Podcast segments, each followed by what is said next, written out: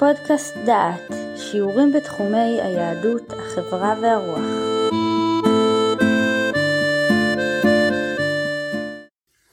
ברוכים הבאים לפודקאסט דעת, לקורס אנטישמיות.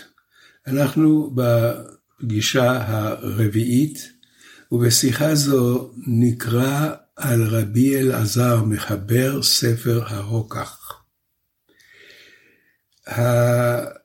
רבי אליעזר בן יהודה, מחבר ספר הרוקח, כתב לאחר רצח אשתו וילדיו זיכרונות וקינה.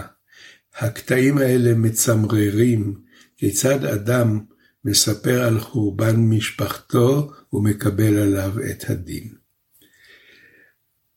מדבר עליכם יהודה אייזנברג, ואנחנו נשמע את הדברים כפי שנכתבו בידי רבי אליעזר.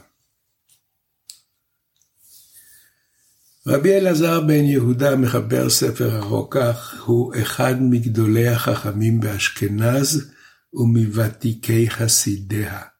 הוא נולד במגנצה, בערך בשנת 1168. היה מורה הוראה ושליח ציבור, ורב בעיר גרמייזה, זה וורמס. והנה קצת פרטים עליו. ידועים 45 ספרים שחיבר בתחומי ההלכה והקבלה. הוא תיקן תקנות בענייני תפילה שהן נוהגות עד היום הזה. ספרו העיקרי הוא ספר הרוקח. סיכומי הלכות בכל תחומי ההלכה. הספר כולל למעלה מ-400 עמודים צפופים. מדובר פה, אם כך, באחד מגדולי ההלכה בדורו ולדורות. עוד מעט נשמע את זיכרונותיו על ההתקפה שחווה כאשר הצלבנים התקיפו את משפחתו, רצחו את אשתו ושתי בנותיו ופצעו אותו ואת בנו. הפגיעה הייתה בשנת 1197 במסע הצלב השלישי. אנחנו נקרא עכשיו שני מקורות. קטע מזיכרונותיו של רבי אליעזר, בו הוא מתאר את ההתקפה על משפחתו, וקינה שהוא חיבר על אשתו ובנותיו. בקינה הזאת מתוארים חיי משפחה מדהימים לחיי הציבור וכיצד כלו חייהם. מי שמעוניין, אני ממליץ לקרוא באינטרנט את הערך רבי אליעזר מגרמייזה, מתואר שם האיש, ספריו ופועלו. עכשיו אנחנו קוראים את דבריו של רבי אלעזר.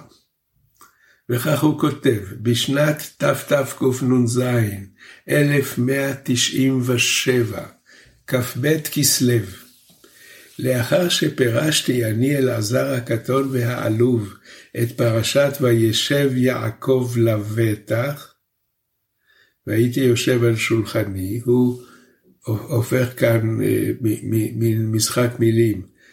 קראתי את פרשת וישב יעקב לבטח, וציפיתי שגם אני אוכל לשבת לבטח. ישבתי על שולחני, ובאו עלינו שניים מסומנים. הצלבנים סימנו על בגדיהם סימן צלב, ועל כן היו מכנים אותם המסומנים.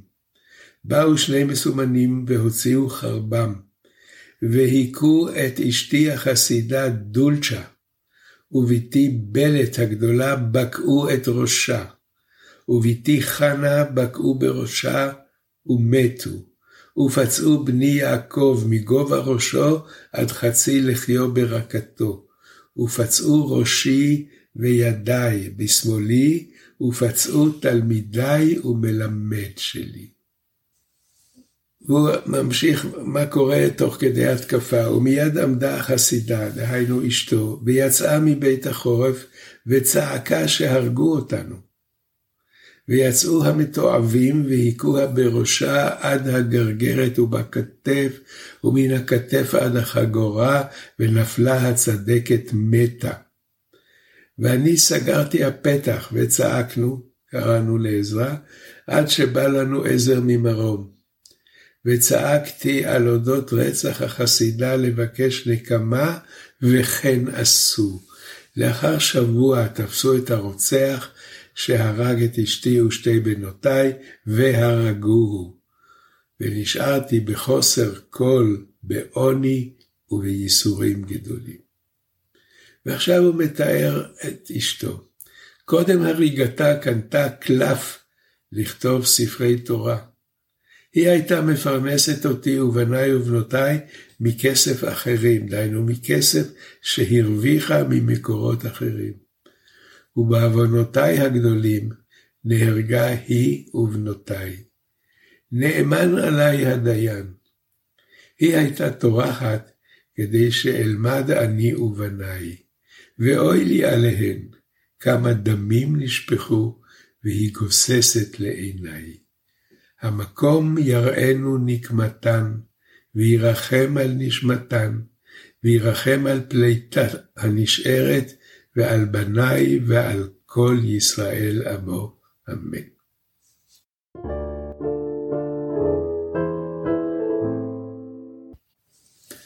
הקינה שנכתבה על דולצ'ה היא קינה שיש בה כמאה שורות. אני אקרא קטעים ממנה, אבל הקטעים האלה מתארים את ההתנהלות במשפחתו של רבי אליעזר. וזה משפחה יפהפייה עם התנהגויות יוצאות דופן. האוזן הרגישה תשמע את ההד של המזמור במשלי, אשת חי מימצא, אותו, אותו שיר שאומרים בליל שבת. ורבי אליעזר לקח את המבנה הכללי של אשת חיל ושינה אותו כדי לתאר את אשתו. אני אקרא כמה קטעים.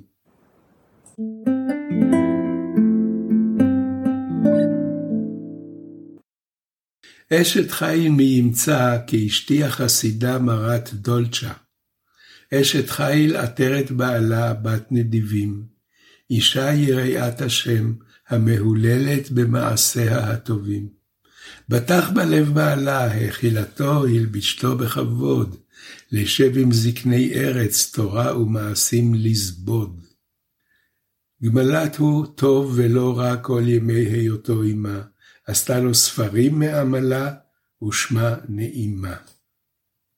הייתה כאוניות סוחר להאכיל בעלה, להעסיק בתורה, ראו הבנות ויאשרוה, כי טוב שכרה. זריזה בכל, טבתה לתפילין ולמגילות ולספרים גידים. כלה כצבי לבשל הבחורים, לעשות רצון התלמידים. הייתה לו ישיבה, ולא היה מסגרת של מטבח ומקום אוכל, היא הייתה מבשלת אוכל לתלמידים. חגרה בעוז מותניה ותפרה כארבעים ספרי תורה. ספר תורה עשוי מגבילים תפורים זה לזה, ארבעים ספרי תורה היא הכינה. טעמה טוב, קישתה כלות והביאתן בכיבודים. נעימה, מרחצת מתים ותפרה להם בגדים. היא הייתה בחברה קדישא. ידיה תפרו בגדי תלמידים וספרים קרועים. כפה פרסה לעני והאכילה בניה ובנותיה ובעלה. לא יכבה בלילה נהרה, עשתה פתילות למקדש מעד ולמדרשים, ואומרת תהילות. משוררת זמירות ותפילה ומדברת תחנונים. היא התפללה ולימדה תפילה. סדרי תפילה בבוקר ובערב סודרת, ולבית הכנסת מקדמת ומאחרת. עומדת בכל יום כיפור ומשוררת ומתקנת הנרות. השבתות וימים טובים מכבדת לעוסקי התורות. ועכשיו שוב נדבר על, על, על האינטלקט. פיה פתחה בחוכמה ואיסור והיתר יודעת. את יום השבת יושבת, דרשת בעלה שומעת. בעלה היה הרב של העיר, הוא היה ראש הישיבה, הוא היה מגדולי הפוסקים. היא שמעה באופן סדיר את הדרשות שלו. קנתה חלב ללומדים והזכירה מלמדים מתוכה. הזכירה במובן שהיא שכרה מלמדים כדי להפעיל רשת חינוך. רצו רגליה לבקר חולים ולעשות מצוות בוראה. מאכלת בניה, מאכילה את בניה, ודוחקתם ללמוד, ועובדת השם יתברך ביראה. שמחה לעשות רצון בעלה, ולא הכעיסתו מעולם. אני רוצה קצת לתאר, לסכם את התיאור של המשפחה. זו, זו משפחה עם יחסים מיוחדים במינם. נזכור שאנחנו מדברים במאה ה-12. חינוך מסודר לבנות לא היה בשום מקום בעולם. ובעל הרוקח מתאר את אשתו כיודעת ספר, מלמדת נשים, יודעת הלכה, פעילה חברתית, פעילות רבת היקף ורבת השפעה על הקהילה. התיאור הזאת ש... על היחסים שביניהם, שהוא מעולם לא כעס, מעולם לא היה כעס ביניהם. זה, זה תיאור שאופייני, אני נזכר בסיפור מאדם בן דורנו. הסיפור היה על הרב שלמה זלמן אוירבך, מגדולי הפוסקים של הדור שעבר, וכאשר אשתו נפטרה והוא יצא להלוויה, אז יש מנהג בחברה קדישא, שאדם מבקש סליחה מבן זוגו לעת מותו, שמא פגעתי בו פעם. אז אמרו לו, תבקש סליחה מאשתך. התשובה שלו הייתה, אני לא מבקש סליחה, מעולם לא פגעתי בה. זה, זה סוג החיים ההרמוניים שבין בעל לאשתו, וכך מתאר רבי אליעזר את משפחתו. והוא מסיים, נעימה, מעשיה יזכור לצור העולם. תצורר נפשה בצרור החיים להתעדן, תנו לה מפרי ידיה בגן עדן.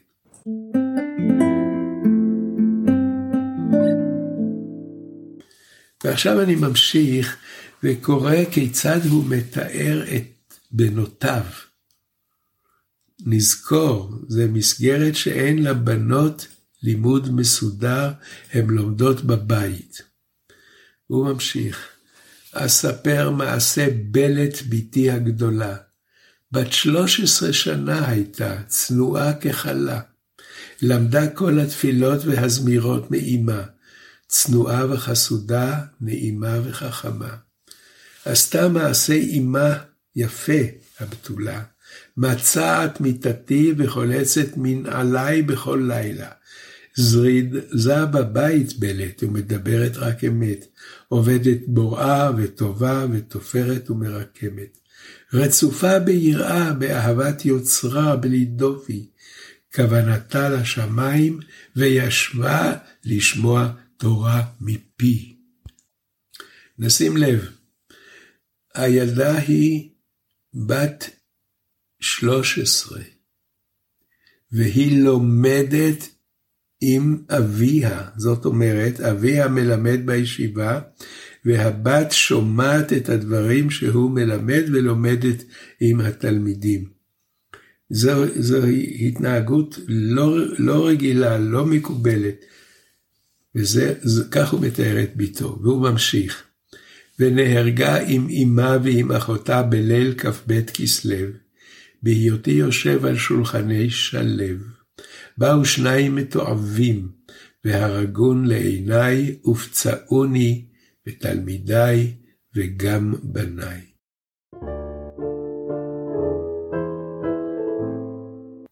ועכשיו הוא מדבר על הילדה הקטנה, בת שש. אספר מעשה בתי הקטנה. קראה קריאת שמע בכל יום, פרשה ראשונה.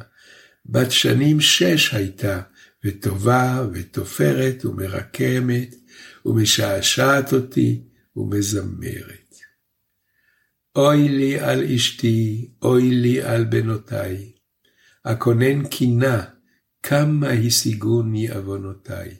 אוי לי על שברי, לקיתי בייסורים ובעוני, נחלה ותושייה נדחו ממני. אוי לי, מה אענה ליוצרי? בעוונותיי נהרגו, משפטיו אמיתיים, כמה שאגו. והוא מסיים, כמה וכמה השיגוני עוונותיי, מתו כל בניי ובנותיי, אוי לי על אשתי החסודה, אוי לי על בני ובנותיי ענודה.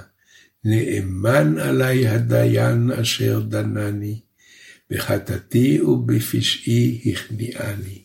לך אדוני הצדקה, ולי בושת הפנים.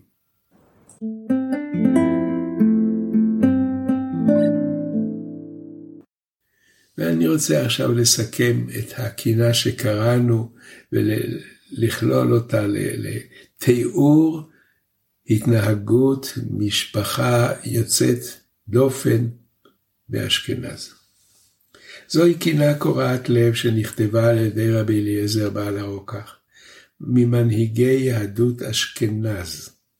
במסע הצלב השלישי שני פורעים נכנסים הביתה, לעיניו הורגים את אשתו ואת שתי בנותיו, פוצעים אותו ואת בנו.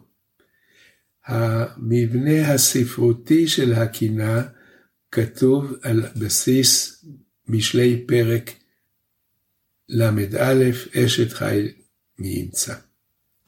התיאור מראה את התנהלות המשפחה ואת תפקיד האישה.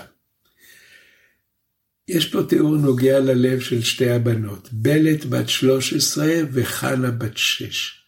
והוא מתאר את תכונות בנותיו ונותן לנו אפשרות להציץ לתוך ביתו של מנהיג הדור, יחסו לאשתו ולילדיו.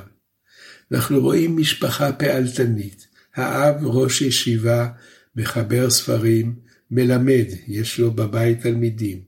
האישה פעילה בקהילה, שרה, מלמדת את הנשים, מטפלת בחולים, עוסקת בקבורה.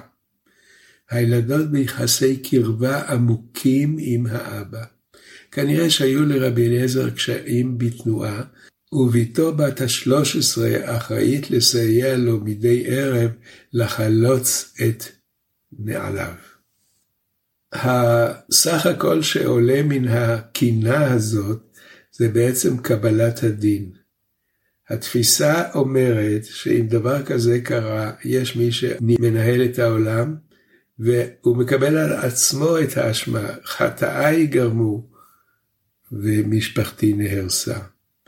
יש פה אמונה, יש פה משפחה יוצאת דופן, יש פה מנהיג קהילה. אין פה לוחם נגד הצלבנים, לא הייתה שום אפשרות בעולם שקהילה שהיא חיה בתוך גרמניה תוכל לארגן קבוצות לוחמים. היו קבוצות במסע הצלב הראשון שניסו להילחם, ונכשלו ונפלו, לא הייתה אפשרות. היהודים היו תלויים באחרים. עוצמתם הייתה הקהילה, המשפחה, הקשרים הפנימיים והאמונה שהוליכה אותם כל הזמן, בכל מחיר ובכל מצב.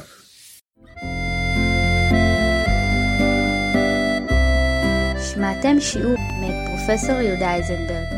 את הקורס המלא וקורסים נוספים ניתן לשמוע באתר דעת במדור פודקאסט.